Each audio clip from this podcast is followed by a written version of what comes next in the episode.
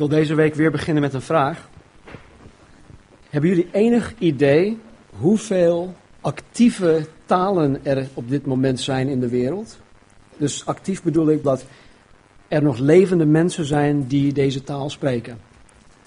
Als moedertaal. Hoeveel? Uh, nee. In de wereld. 3200, 6800. Wat hoorde ik hier? 1000. Ik stelde de vraag gisteren aan, uh, aan Marnie en mijn oudste dochter Christine. Die dachten van nou, er zijn ongeveer 196 landen, ja, zo rond de 200. Nou, er, er zijn meer. Uh, Maarten is, is, is het dichtstbij. In 2009 uh, publiceerde het SIL, en het SIL is de Summer Institute of Linguistics. Hele mooie naam. Zij publiceerde de zestiende editie van een catalogus en dat heet Ethnologue, Languages of the World. En wereldtalen of de talen van de wereld. Het SIL, Summer Institute of Linguistics, is een instituut die zich vanaf 1934 bezighoudt met onderzoek op het gebied van taalwetenschap, taalkunde. En volgens deze 16e editie, die in 2009 uitgegeven werd, bestaan er momenteel 6909 verschillende talen in deze wereld. 6909 verschillende talen waarmee levende mensen hier op aarde communiceren als, als eerste taal, als hun moedertaal. Nou, afgezien van alle andere aspecten van taal, is taal in principe een overeenkomst. Daar heb ik het van de week nog met iemand over gehad. Ik weet niet meer wie, ik denk, ik denk Casper. Het is in principe een overeenkomst. Als ik bijvoorbeeld zeg dat onze kerkdiensten om tien uur beginnen en dat je liefst voor tien uur er al bent, dan begrijpen jullie daarmee wat ik bedoel. Toch? Maar als ik dit in het Nederlands tegen Marnie's Amerikaans nichtje Tina zeg, dan heeft ze geen flauw idee wat ik haar probeer duidelijk te maken. Zij en ik zijn die overeenkomst nog niet aangegaan. Zij begrijpt niet wat ik bedoel. Maar wij, die de Nederlandse taal wel kennen, hebben wel een overeenkomst met elkaar afgesloten. Wij zijn het met elkaar eens dat tien uur betekent het tiende uur na twaalf uur s'nachts. Wat als ik vanmorgen tegen jullie zeg, jam pagi? Ja, dankjewel Vanaya. De meeste van jullie wisten, wisten, niet wat dat betekent. Nou, Vanaya, Kobus en Nawaja waarschijnlijk wel. Uh, Bert, wist jij dat? Nee, oké. Dat is Maleis voor, voor tien uur s ochtends. Ja, maar jullie wisten dat niet. Jullie, jullie wisten niet dat, wat dat betekent, omdat wij die overeenkomst niet met elkaar hebben. Wat die klanken, wat die woorden betekenen. Dus een ieder heeft er alleen baat bij wanneer er gecommuniceerd wordt conform die overeenkomst die wij met elkaar hebben afgesloten. En die overeenkomst heet taal. Volgens SIL zijn er dus in de wereld 6909 van dit soort overeenkomsten die nog van kracht zijn. Nou, wat heeft dit met de preek van vanmorgen te maken? Helemaal niks. Nee hoor. Um, vanmorgen gaan we kijken naar de geestelijke genadegaven van talen of vreemde talen. Uh, het wordt ook tongentaal genoemd, het wordt vreemde tongen genoemd, tongen in tongen spreken, noem maar op. Als ik één van die woorden gebruik vanmorgen, dan bedoel ik dat. En we gaan kijken naar het vertolken of de uitlegging van talen. Nou, we zijn de afgelopen weken langer stil blijven staan bij de negen genadegaven, die door de apostel Paulus in 1 Korinthe 12 genoemd worden. Deze negen gaven hebben wij in drie genadegavengroepen ingedeeld. En de eerste groep is de openbaringsgaven. Weet jullie nog wat die zijn? De openbaringsgaven? Woord van, woord van wijsheid, woord van kennis en onderscheiding van geesten. Heel goed. Ja. De tweede groep is de krachtgaven. Wat zijn die? Genezing. Werkingen verkrachten. En geloof. Ja, heel goed. En dan de spraakgaven, waarmee we twee weken geleden waren begonnen, waaronder profetie. En dan vanmorgen de twee laatste, um, tongentaal en het vertalen daarvan. Nou, de eerste zeven die hebben we dus al gehad. Mocht je ze gemist hebben, dan staan ze op onze website, dus die kan je gratis beluisteren. Maar vanmorgen gaan we dus kijken naar deze twee. Laten we uh, onze Bijbels openslaan op 1 Korinthe hoofdstuk 12. En dan weer even de gehele context lezen we vanaf vers 1. En wat de geestelijke gaven betreft, broeders, wil ik niet dat u onwetend bent. Vers 4. Er is verscheidenheid van genadegaven, maar het is dezelfde geest. Er is verscheidenheid van bedieningen en het is dezelfde Heere. Er is verscheidenheid van werkingen, maar het is dezelfde God, die alles in allen werkt. Aan ieder echter wordt de openbaring van de geest gegeven tot wat nut heeft voor de ander. Want aan de een wordt door de geest een woord van wijsheid gegeven, aan de ander een woord van kennis naar de norm van dezelfde geest. En aan een ander geloof door dezelfde geest. En aan een ander genadegave van genezingen door dezelfde geest. En aan een ander werkingen van krachten en aan een ander profetie. En aan een ander het onderscheiden van de geesten. En aan nog een ander allerlei talen en aan een ander uitleggingen van talen. Al deze dingen echter werkt één en dezelfde geest, die aan ieder afzonderlijk uitdeelt zoals hij wil. Tot zover. In vers 10 staat er dus, en aan nog een ander allerlei talen en aan een ander uitlegging van talen.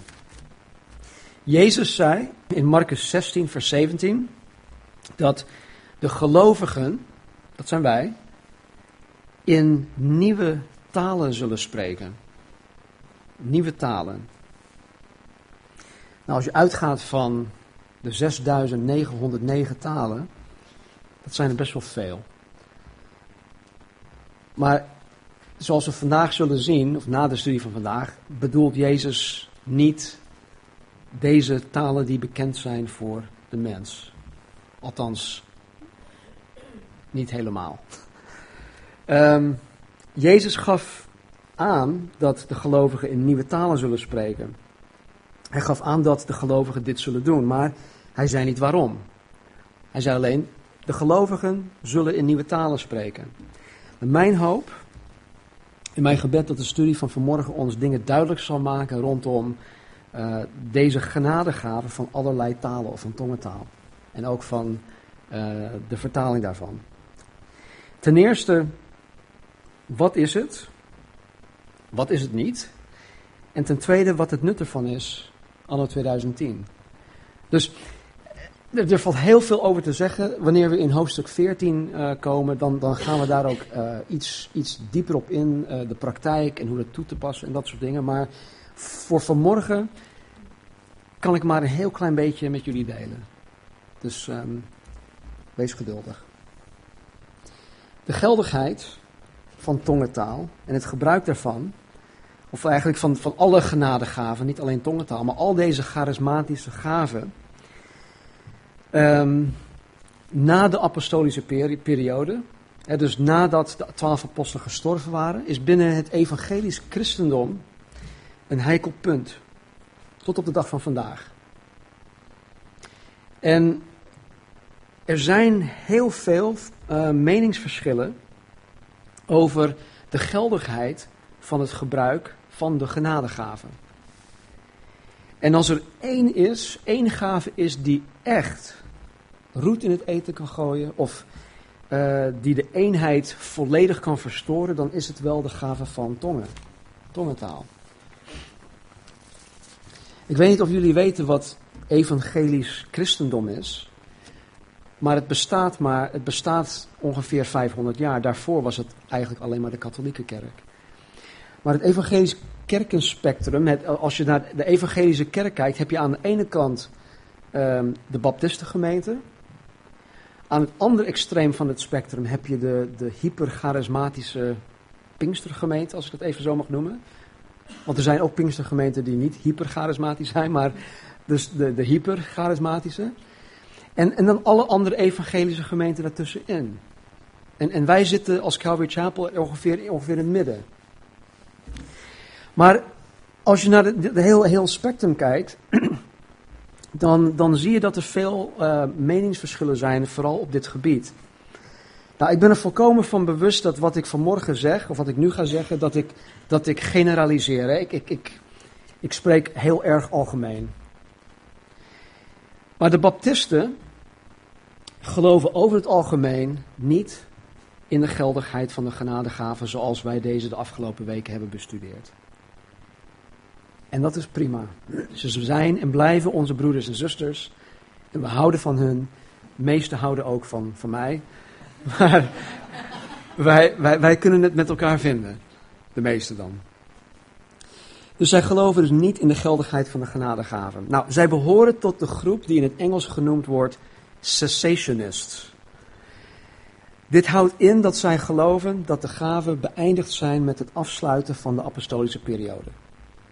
De apostolische periode was totdat de laatste apostel uh, afstierf.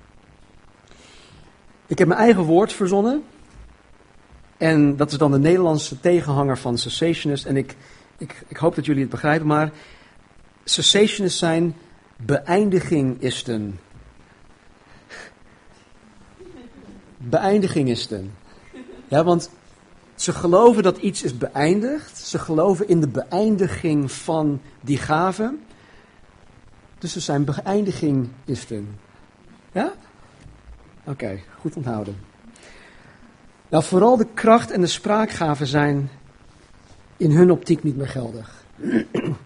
Sterker nog, sommigen beweren dat deze uitingen of deze manifestaties van de duivel zijn. Nou, nogmaals, er valt nog veel meer hierover te zeggen, maar ik ga er nu dieper op in. Wanneer we bij hoofdstuk 13 komen en 14, dan gaan we dit onderwerp iets meer grondig behandelen. Dus aan de ene kant hebben wij de baptisten, de beëindigingisten. En aan de andere kant hebben wij de, de Pinkstergemeente of de Pinksterchristenen die, die eigenlijk veel te sterk de nadruk leggen op de uitingen van de geestelijke gaven. En dan vooral de kracht en de spraakgaven. Nou, wat ik hiermee bedoel, zal ik vanmorgen ook proberen uit te leggen. Nou, terug naar vers 10. En aan een ander nog een ander, en aan nog een ander allerlei talen en aan een ander uitlegging vertalen.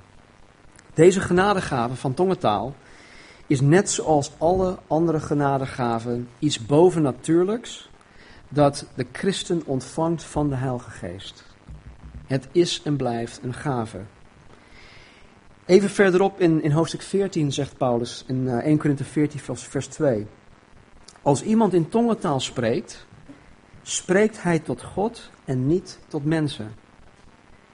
Want zij, dus mensen, verstaan hem niet. Wat hij onder de leiding van de geest zegt is geheimtaal. Nou, dit komt uit het, uh, uit het boek. Wat hierin belangrijk is, is dat wanneer iemand in tongentaal spreekt, dat hij of zij tot God spreekt. Iemand die tongentaal spreekt, spreekt tot, tot God. Dat moet je heel goed onthouden. In sommige kringen wordt er tijdens een kerkdienst zoals deze in tongen gesproken. dus hardop, iemand spreekt in tongen. En meteen daarna, wanneer deze persoon klaar is, geeft iemand een, een vertolking daarvan aan, aan, aan de gemeente. Maar hij of zij doet dat alsof God door middel van tongentaal tot de kerk spreekt.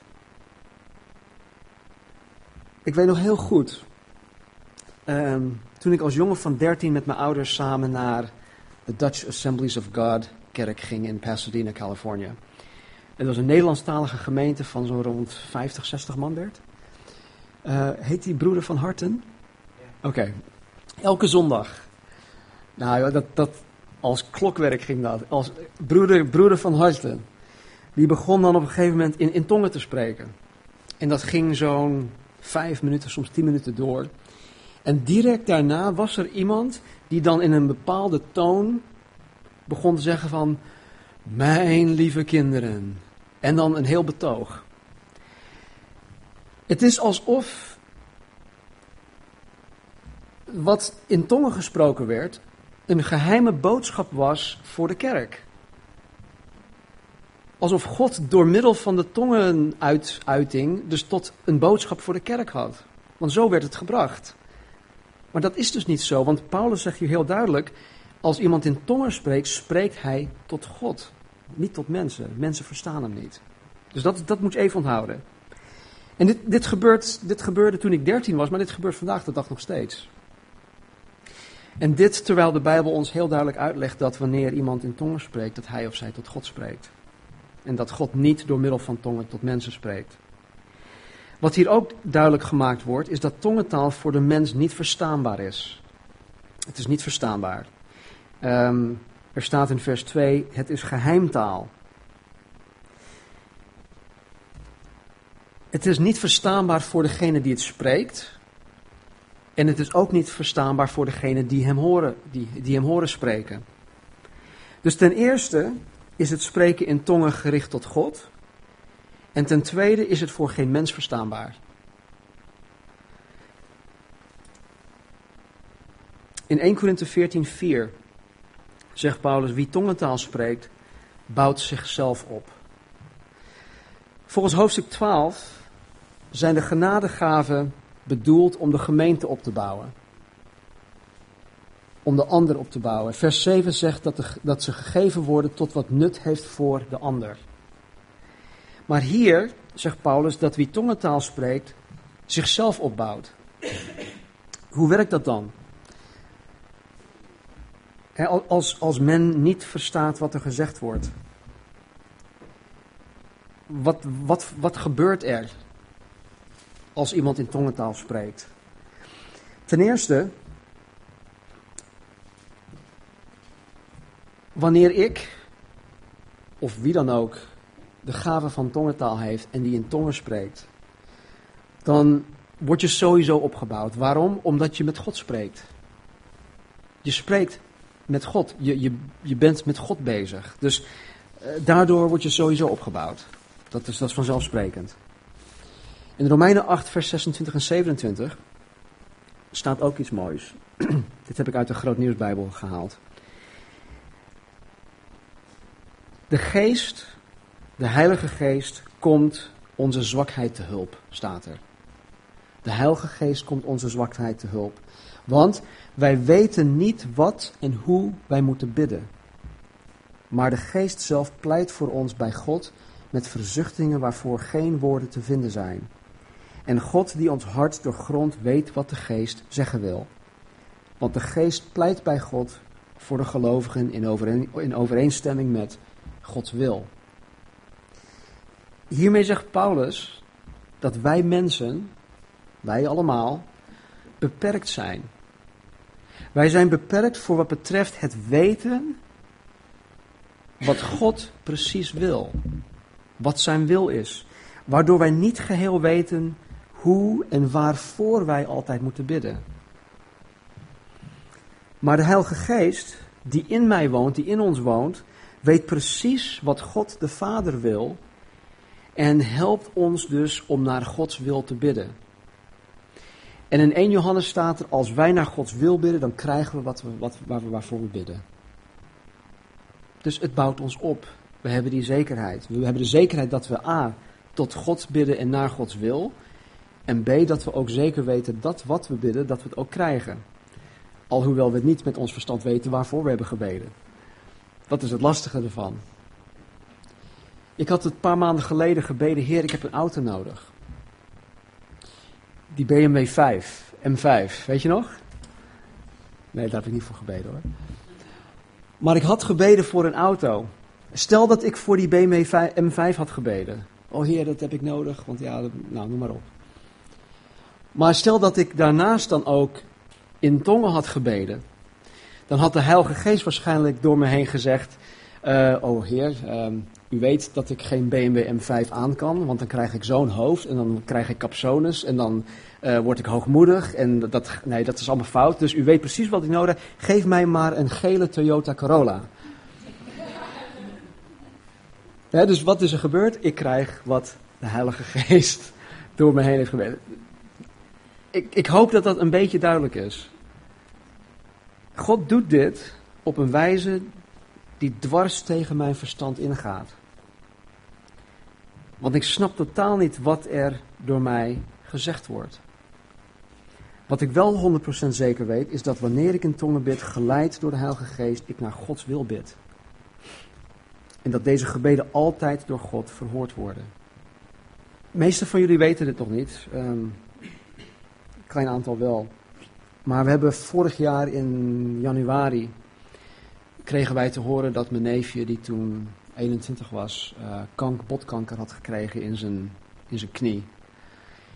En hij uh, werd meteen op chemokuur gezet. Hij kreeg chemokuur om die tumor te laten um, slinken, slinken. Ja.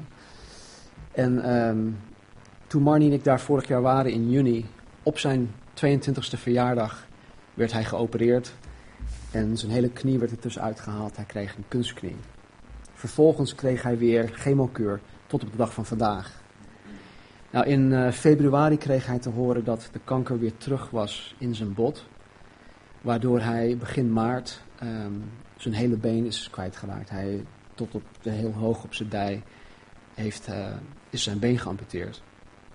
Een aantal weken daarna kreeg hij te horen dat, um, dat de kanker ook uitgezaaid is. Dus het, um, ja, het zit nu in zijn longen. En het is een uh, hele agressieve vorm van kanker die uh, direct ook op de longen slaat. En, en de artsen zeiden dus dat uh, als het eenmaal in de longen zit, dan, dan is de overlevingskans gewoon heel, heel erg klein. Maar ja, er wordt zoveel voor die jongen gebeden, ook voor mijn zus en mijn zwager en zo. En, um, er wordt heel veel voor hen gebeden. Nou, vanmorgen toen ik um,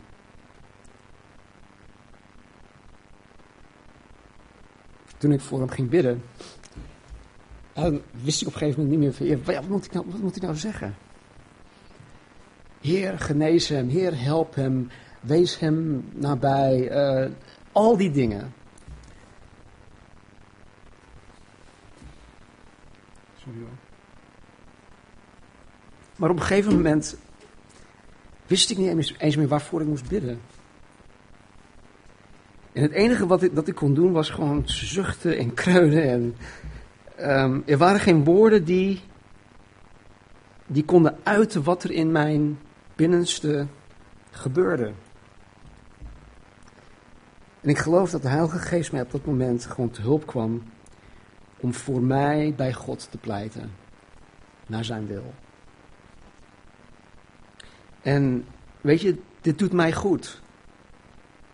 Het bouwt mij op, want ik weet dat God in mij, in mijn leven, in mijn hart, in mijn binnenste aan het werk is. En ik weet dat waar ik niet meer kan bidden of wat ik kan bidden, dat, dat de Heilige Geest volgens Romeinen 8, 26 en 27 het vorm van mij overneemt. En Hij voor mij bij de Vader pleit. En ik weet ook dat, dat God mij hierin verhoort. Het kan, het kan soms ook zijn dat, dat woorden gewoon tekortschieten. En soms is het niet voldoende om, om tot God te zeggen: O Heer, ik, ik hou van u. Of u bent waardig, u bent heilig. U komt al mijn lof en aanbidding toe. Halleluja, ik prijs Jezus. En, en al die dingen. Dat zijn allemaal hele goede en oprechte dingen die wij tot God zeggen. Maar soms heb je veel meer op je hart. Soms heb ik iets van, ik wil zoveel meer kwijt bij God. Ik, wil zoveel meer zeggen, maar dan zijn er geen woorden meer voor. En op deze momenten is het spreken in tongen de genadegave die God ons geeft. Om Hem dan ook te loven en te prijzen en te aanbidden op een manier die ver boven woord uitgaat.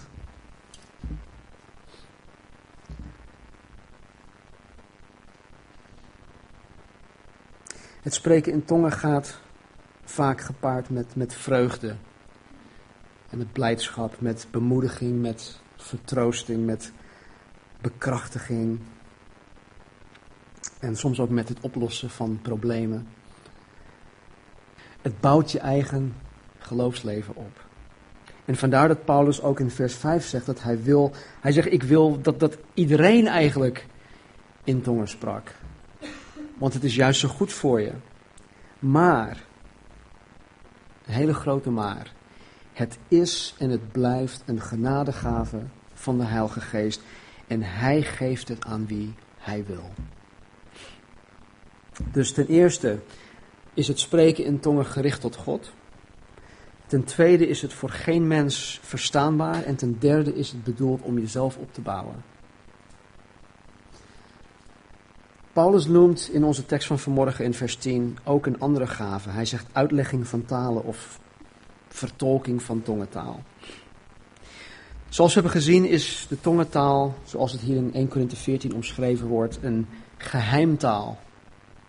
Dat, niet voor, dat, dat voor niemand verstaanbaar is. Niemand verstaat het. 1 Korinthe 14, 5. Hij zegt, ik wil wel dat u allen in tongen spreekt, maar vooral dat u profeteert. Immers, wie profeteert is meer dan wie in tongen spreekt, tenzij hij het uitlegt, opdat de gemeente erdoor opgebouwd wordt. Als er in een samenkomst in tongen gesproken wordt, dan heeft de gemeente er niets aan omdat niemand weet wat er gezegd wordt. En vandaar dat de Heer ook de genadegave van uitlegging van deze tongentaal heeft gegeven. Nogmaals, de bedoeling van de samenkomsten is ter opbouw van de ander, ter opbouw van het geheel, de gemeente. Dus als er in een samenkomst, hè, zoals het in, in, in Korinthe ook gebeurde, iedereen tegelijk in tongentaal spreekt, dan heeft niemand er wat aan. Even verderop in hoofdstuk 14 zegt Paulus dat tenzij er iemand is die de gave van uitlegging van talen heeft, dat er niet in tongentaal gesproken mag worden. Punt uit. Nou, tot slot. Hier in 1 Korinthe leren we dat tongentaal door geen mens verstaanbaar is. En dat het uitleg nodig heeft door middel van de gave van de uitlegging van tongentaal. Maar in Handelingen 2 toen de Heilige Geest met Pinksteren uitgestort werd over de 120 discipelen, zien wij dat ook zij in tongentaal spraken. Alleen was het zo dat wat zij spraken wel voor veel mensen verstaanbaar was. Wat is het dus? Is het nou wel of niet verstaanbaar voor mensen? Laten we um, Handelingen 2 lezen. Handelingen 2 vanaf vers 1. En toen de dag van het Pinksterfeest vervuld werd, waren zij allen eensgezind bijeen. En plotseling kwam er uit de hemel een geluid als van een geweldige windvlaag. En dat vervulde heel het huis waar zij zaten. En er werden door hen tongen als van vuur gezien, die zich verspreidden, en het zette zich op ieder van hen. En ze werden allen vervuld met de Heilige Geest en begonnen te spreken in andere talen, zoals de Geest hun gaf uit te spreken. Nu, woonden er in Joden, in, nu woonden er Joden in Jeruzalem, godvrezende mannen uit alle volken die er onder de hemel zijn. Toen dan dit geluid klonk, kwam de menigte samen en raakte in verwarring. Want ieder hoorde hen, hij hoorde dus deze, deze 120 die dus in tongen spraken, in zijn eigen taal spreken.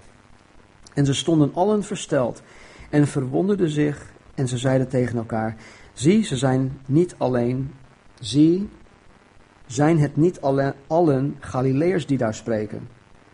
En hoe kunnen wij dan ieder van hen horen in onze eigen taal, waarin wij geboren zijn? Nou, dan geeft hij een hele lijst van mensen waar ze vandaan komen. En vervolgens aan het eind van vers 10, hier, hier verblijven de Romeinen, zowel Joden als proselieten, Cretensen, Arabieren. Wij horen hen in onze taal over de grote werken van God spreken. Tot zover. In dit stuk zien we dat wat er door de discipelen in tongentaal uitgesproken werd, door alle buitenlanders die daar waren verstaanbaar was. Allemaal. Allemaal die daar waren, die dat hoorden, verstonden wat er gezegd werd.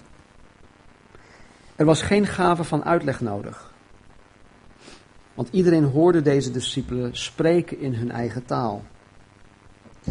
Nou, voor wat betreft tongentaal in Handelingen 2, zoals we het net hebben gelezen, en tongentaal in hoofdstuk 12 en 14 van 1 Korinthe, zijn er verschillende ideeën over. Eén idee is dat de reden waarom de buitenlanders in Handelingen 2 het in eigen taal hoorden, is omdat de Heilige Geest de woorden die gesproken werden omgezet had in de oren van de toehoorders. Dus ik zeg ehm, iets. En op het moment dat het mijn mond uit is gegaan en jou, de oren van Alice is binnengekomen, heeft de Heilige Geest het vertaald en zij verstond het ineens in haar eigen taal. Dat is één idee. Dat zeggen ze. En dat was dan het wonder van Pinksteren. Dat de toehoorders de tongentaal in eigen taal vertolkt kregen. dat, dat is één idee hierover. Het tweede idee is dat in beide gevallen, zowel handelingen als 1 Korinthe 12 en 14, de tongentaal precies hetzelfde was. Geen verschil. Dat de tongentaal in beide gevallen een bekende en bestaande vreemde taal is. Maar dat zij in handelingen 2 geen vertolker nodig hadden. dus de, de Heilige Geest was, was hun vertolker. Maar als het in Handelingen 2 en in 1 Korinthe over een bestaande of bekende vreemde taal gaat, dan hebben wij nu een probleem. We hebben een probleem met, wat Paulus ons leert in 1 Korinthe, waarin Paulus zegt dat het voor niemand verstaanbaar is. Hij spreekt ook over talen van engelen, talen van mensen. Dat het dus voor niemand verstaanbaar is. Dus het kan niet één en dezelfde taal zijn geweest. Er is nog een idee. En ik geloof meer in deze laatste. En ik geloof dat wat er in Handelingen 2 met Pinkster is gebeurd, zeer uniek is. Dat dat een uniek gebeurtenis was geweest, dat ook nooit meer op diezelfde manier gebeurt. Even terug naar het Oude Testament. Mozes kreeg van God de wet. Hij ging de berg Sinaï op. De rest van Israël die bleef beneden heftige aardbeving, er was vuur, er was rook, er was wolk, nou noem maar op. Nergens staat er in de Bijbel dat dat fenomeen nog eens een tweede keer is gebeurd. Ik ken mensen die naar de berg Sinaï zijn geweest. Ik ben er zelf nog nooit geweest. Maar ik ken persoonlijk mensen die die reis al vele malen hebben gemaakt. En ze hebben nooit vuur, aardbeving, rook en wolk bovenop de berg Sinaï gezien. Dus dat was uniek. Het was, eh, God gaf Israël het oud verbond op dat moment. En dat was een uniek gebeurtenis in de geschiedenis van Israël. Nou, ik geloof ook dat wat er met Pinkster is gebeurd ook uniek is. Het, het was de geboorte van de kerk. De geboorte van de kerk. Het was de vervulling van de profetie van Joel. Het was de aanvang van het nieuw verbond. Het was iets splinternieuw. En dit was een gigantisch groot gebeuren. En wat er op die dag gebeurde is eigenlijk nooit meer gebeurd. Nooit, nergens lezen we in het Nieuw Testament dat mensen samenkwamen, dat er een geluid kwam wat als een geweldige wind klonk. Of, dat, dat, dat ze dat hoorden. Of dat er dingen, tongen van vuur op mensen kwamen op hun hoofd. Het was iets spectaculairs. Het, het, moest, het moest ingeluid worden en het was heel bijzonder. Dus ja, de tongentaal die op dat moment uitgesproken werd, was in een bestaande en bekende taal. Want de mensen hoorden dat, ze verstonden het. En ja, wat Paulus ons in 1 Korinthe 14 uh, leert, is iets anders. Als kanttekening wil ik nog even zeggen dat niet iedereen de gave van tongen heeft gekregen of zal krijgen. Paulus geeft dat zelf ook aan. Paulus zegt in 1 Korinthe 12, vers 30: Spreken zij dan allen in tongen? En hij zegt dat in de context van andere, andere um, andere dingen. Hij zegt, um, vers 30. Even terug naar vers 29. Zijn zij dan allen apostelen? Zijn zij dan allen profeten? Zijn zij dan allen leraars? Zijn zij dan allen krachten? Hebben zij dan allen genadegaven van genezingen? Spreken zij dan allen in talen? Zijn zij dan allen uitleggers? Eh, dit zijn retorische vragen waarop het antwoord gewoon duidelijk nee is. Nee, niet iedereen is een apostel. Nee, niet iedereen is een profeet. Dus ook nee, niet iedereen heeft de gave van tongen en het vertalen daarvan. Dus het antwoord is nee. Ik wil je dit meegeven omdat het is mij overkomen en het kan jullie ook misschien overkomen. Of misschien is het je ooit wel eens overkomen. Laat niemand je wijsmaken dat het spreken in tongen het bewijs is dat je gedoopt bent met de Heilige Geest. Er wordt ja, helaas in, in, in sommige kringen beweerd dat als je niet in tongen spreekt, dan ben je niet gedoopt in de Heilige Geest. Dat je een soort van lagere rang christen bent. En dat is niet waar. Dat is niet waar. In handelingen zien wij dat de Heilige Geest inderdaad in handelingen 2 uitgestort werd. Ze spraken allemaal in, in, in, in tongen. Met Petrus en Cornelius, ook daar en ook andere plaatsen zagen we dat mensen in tongen eh, spraken en ook profeteerden. Maar niet elk geval was hetzelfde. Met andere woorden, niet elk geval wanneer iemand in, uh, met de Heilige Geest gedoopt werd, spraken zij in tongen. En als je deze beredenering van deze mensen dan doortrekt, dan moet je naar Paulus kijken. Toen hij, toen hij tot geloof kwam, toen hij met de Heilige Geest vervuld werd, vielen er wat schalen, schellen, schellen van zijn ogen.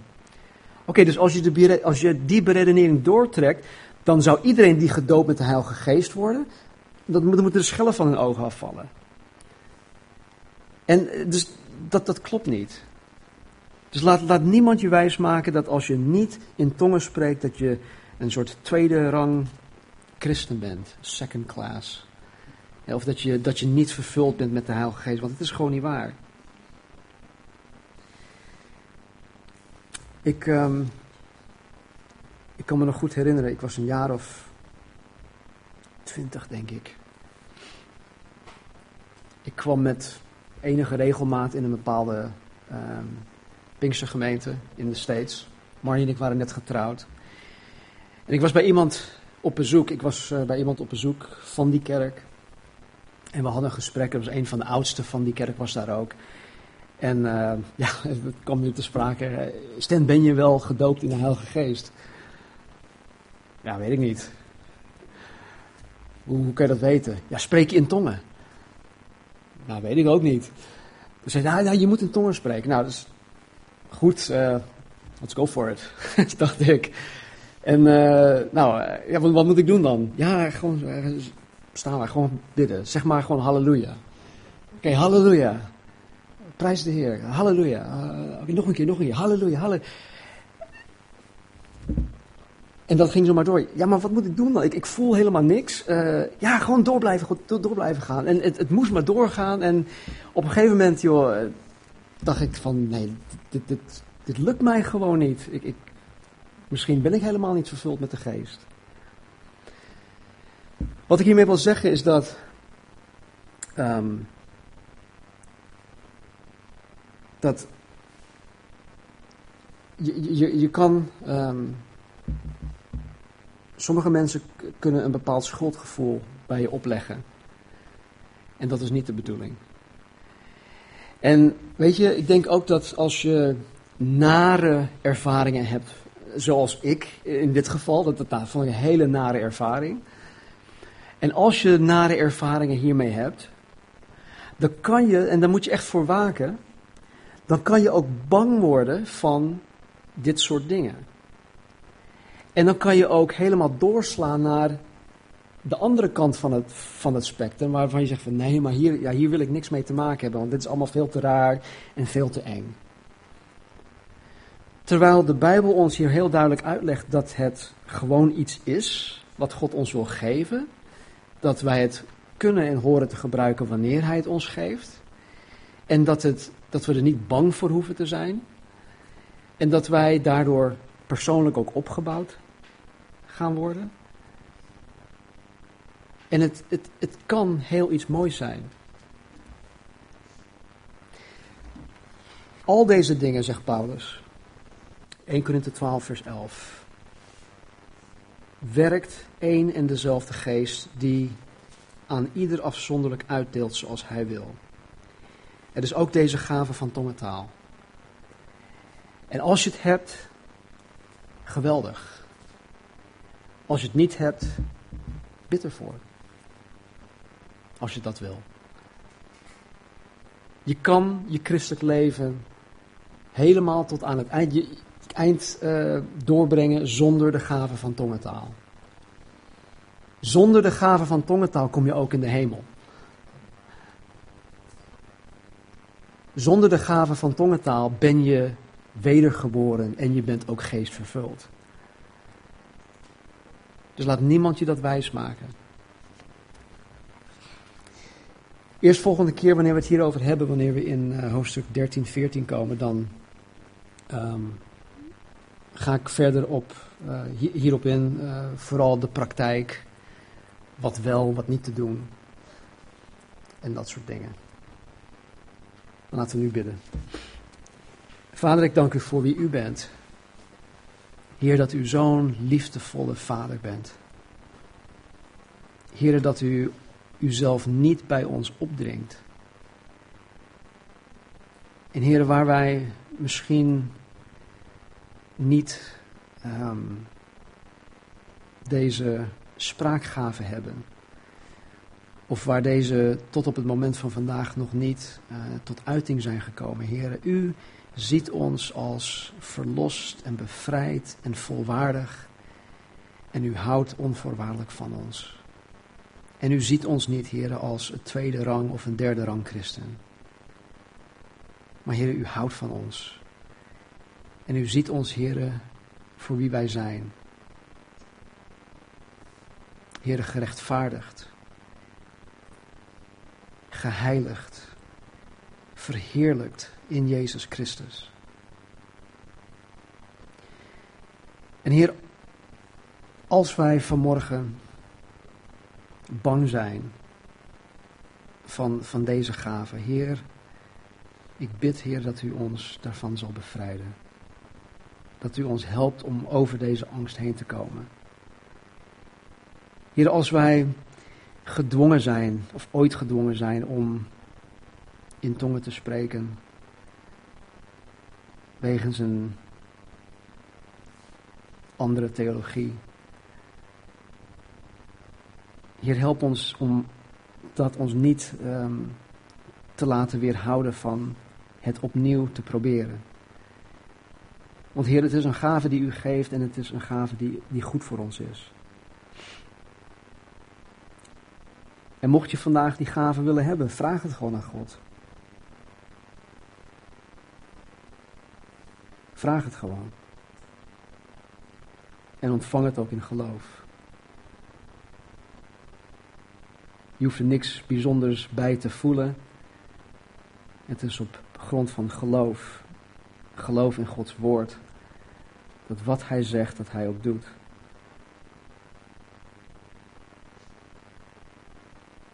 Dus heren, al de genadegaven die wij de afgelopen weken hebben behandeld, waar we naar gekeken hebben, heren. Geef ons die gaven. Heren, ter opbouw van elkander. Ter opbouw van de gemeente. Maar Heer, laat ons alstublieft, Heer, al deze dingen in liefde doen.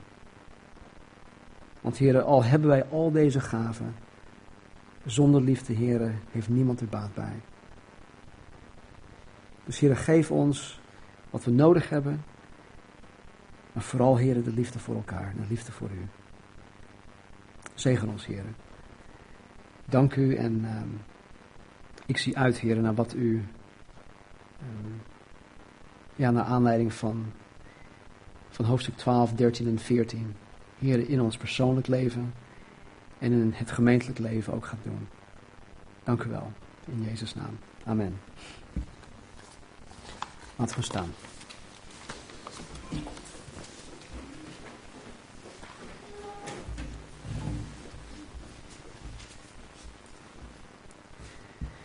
Jezus zei op een gegeven moment dat ehm, als wij die slecht zijn, hè, hij bedoelt daarmee de mens.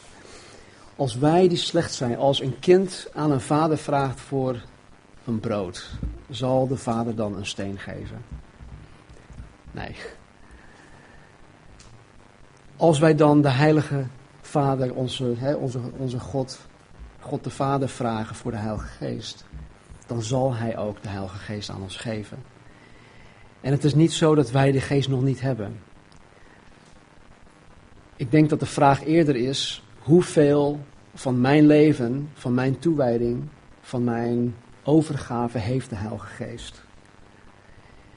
En ik geloof dat God en ieder van ons ook ja, dusdanig wil vormen om meer van ons leven, onze toewijding, ons hart aan Hem te geven.